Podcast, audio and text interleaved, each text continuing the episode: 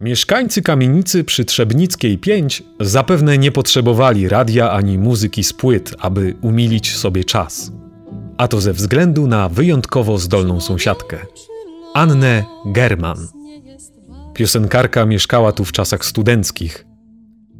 Przy wejściu do kamienicy znajduje się tablica upamiętniająca artystkę. W 2012 roku zrealizowano serial o życiu Anny German, który miał swoją emisję także w polskiej telewizji. I zdobył bardzo dużą popularność. Pierwsze trzy odcinki obejrzało ponad 6 milionów widzów. W serialu wykorzystano piosenki śpiewane przez artystkę.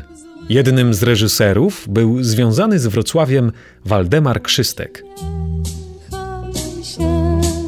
do każdej chwili na dzień szczęśliwy nie czekaj, bo kresu nadejdzie czas, nim uśmiechniesz się chociaż raz.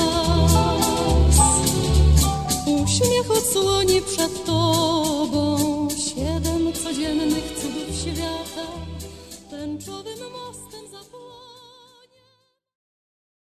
Wróć do ulicy Jedności Narodowej. Idź prosto przez przejście dla pieszych. Następnie skręć w prawo w ulicę Józefa Poniatowskiego. Idź prosto do przejścia dla pieszych. Publiczność pierwszych wrocławskich kin miała swoich filmowych ulubieńców. Należeli do nich komik Max Linder, prekursor sztuki Chaplina, i puszysta Anna Miller-Linke.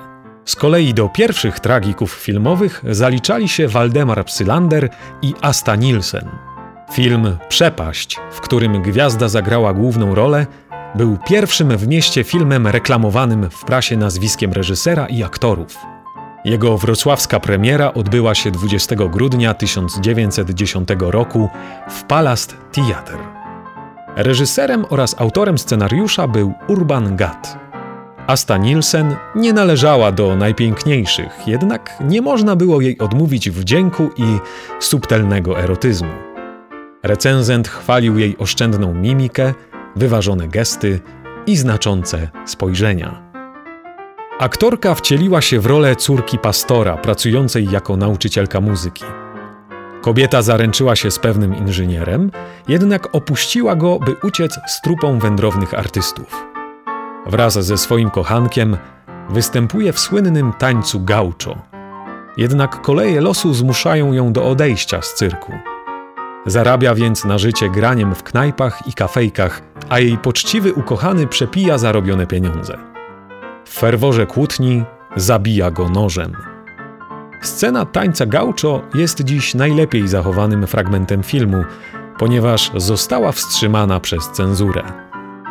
Ulubienica wrocławskiej publiczności odwiedziła miasto 30 marca 1914 roku wraz z mężem Urbanem Gatem wzbudziła niebywałą ekscytację jej fanów, którzy tłumnie zgromadzili się na dworcu głównym, dokąd miała przyjechać. Do hotelu Monopol, gdzie nocowała, eskortował ją szpaler wielbicieli oraz policjantów w błyszczących hełmach.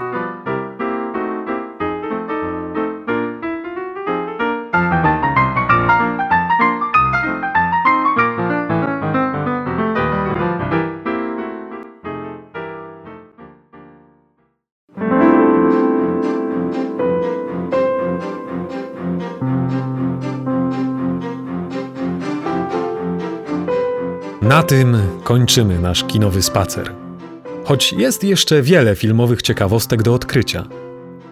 Miłośników dziesiątej muzy zapraszamy do tego, by dzielili się z nami swoimi odkryciami i inspiracjami. A także zapraszamy na inne szlaki wrocławskich wędrówek z audiospacerem po nadodrzu. Materiał przygotowała i opracowała Anna Streczeń. Czytał Michał Szwed. Więcej informacji o twórcach i projekcie znajdziecie na stronie lokietka5.pl. Zapraszamy na spacer po nadodrzu.